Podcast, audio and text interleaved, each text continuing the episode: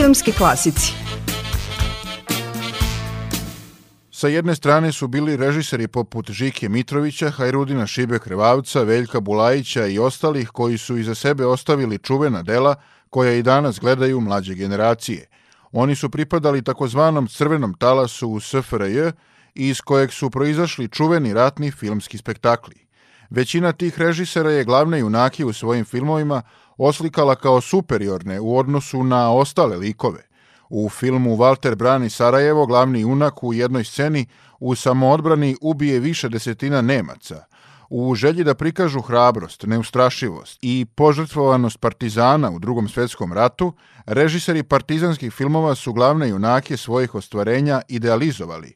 Takođe, ti režiseri nisu imali kritički osvrt prema narodno-oslobodilačkoj borbi – Od malobrojnih režisera koji su se tada osmelili da prikažu realnu sliku drugog svetskog rata je Đorđe Kadijević.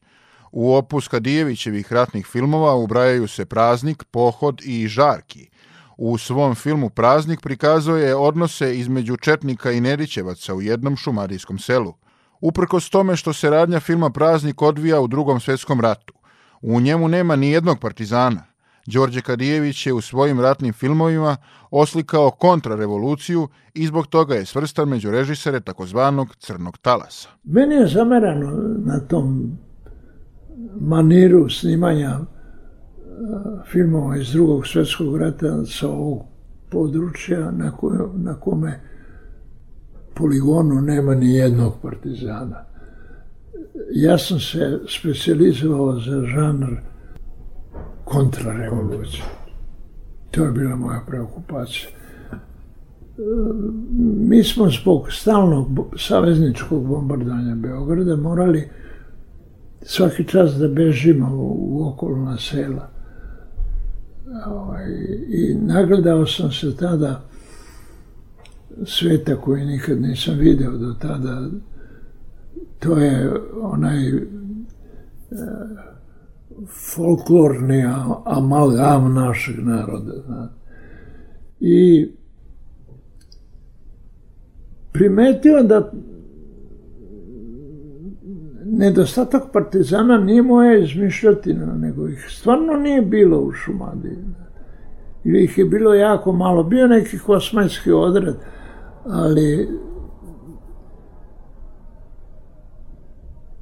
partizani su se uskoro posle 41. i tako dalje, bazirali na Sanđak i na, na, na, na, na krajinu i na te krajeve, znate, u, u, u, u folklornoj, agrarnoj Srbiji, nisu imali toliko, toliko prisustva i toliko aktivnosti kao na drugim drugčijim poligonima. Režiseri takozvanog crvenog talasa su od istorijskih likova, među kojima su kapetan Ramiz Leši i Vladimir Perić Valter, stvarali mitske heroje kako bi se učvrstio sistem vrednosti u SFRJ, odnosno mito, bratstvu i jedinstvu. To je sasvim opravdana težnja tadašnje socijalističke vlasti. Filmovi koji su proizašli iz crvenog talasa su bili rado gledani i dobro prihvaćeni i izvan granica SFRJ, a dokaz umetničkog kvaliteta je i to što su nadživeli vreme u kojem su nastali. Greška socijalističke vlasti je bila ta što nije dala više prostora režiserima koji su u svojim filmovima želeli da prikažu istorijski verodostojnu sliku drugog svetskog rata. Postoji još jedan problem. Kada se gledaju čuveni ratni spektakli, stiče se utisak da je jugoslovensko društvo bilo jedinstveno i jako, a nije bilo tako. Ti filmovi nisu korespondirali sa realnim životom koji se odvijao u vreme njihovog nastanka, kaže sociolog Srđan Šljukić. Umesto da se stvara nekakvo društveno jedinstvo na onom, da kažemo, realnom planu, u smislu ekonomije, političkih struktura i tako dalje, vi imate de facto stvaranje e, skoro nekog konfederalnog uređenja. Republike dobijaju velika ovlaštenja, čak pokrajine unutar Srbije dobijaju ogromna ovlaštenja, čak državnog karaktera i stvara se jedna federacija koja postaje skroz nefunkcionalna i koja zapravo forsira te nacionalne posebnosti. I onda vi, vi imate zapravo jednu kontradiktornu situaciju. Kroz medije, jel, vi nudite bratstvo jedinstvo kao vrednost, kroz mitske predstave narodno borbe. A na delu, vjerujete ste suprotno.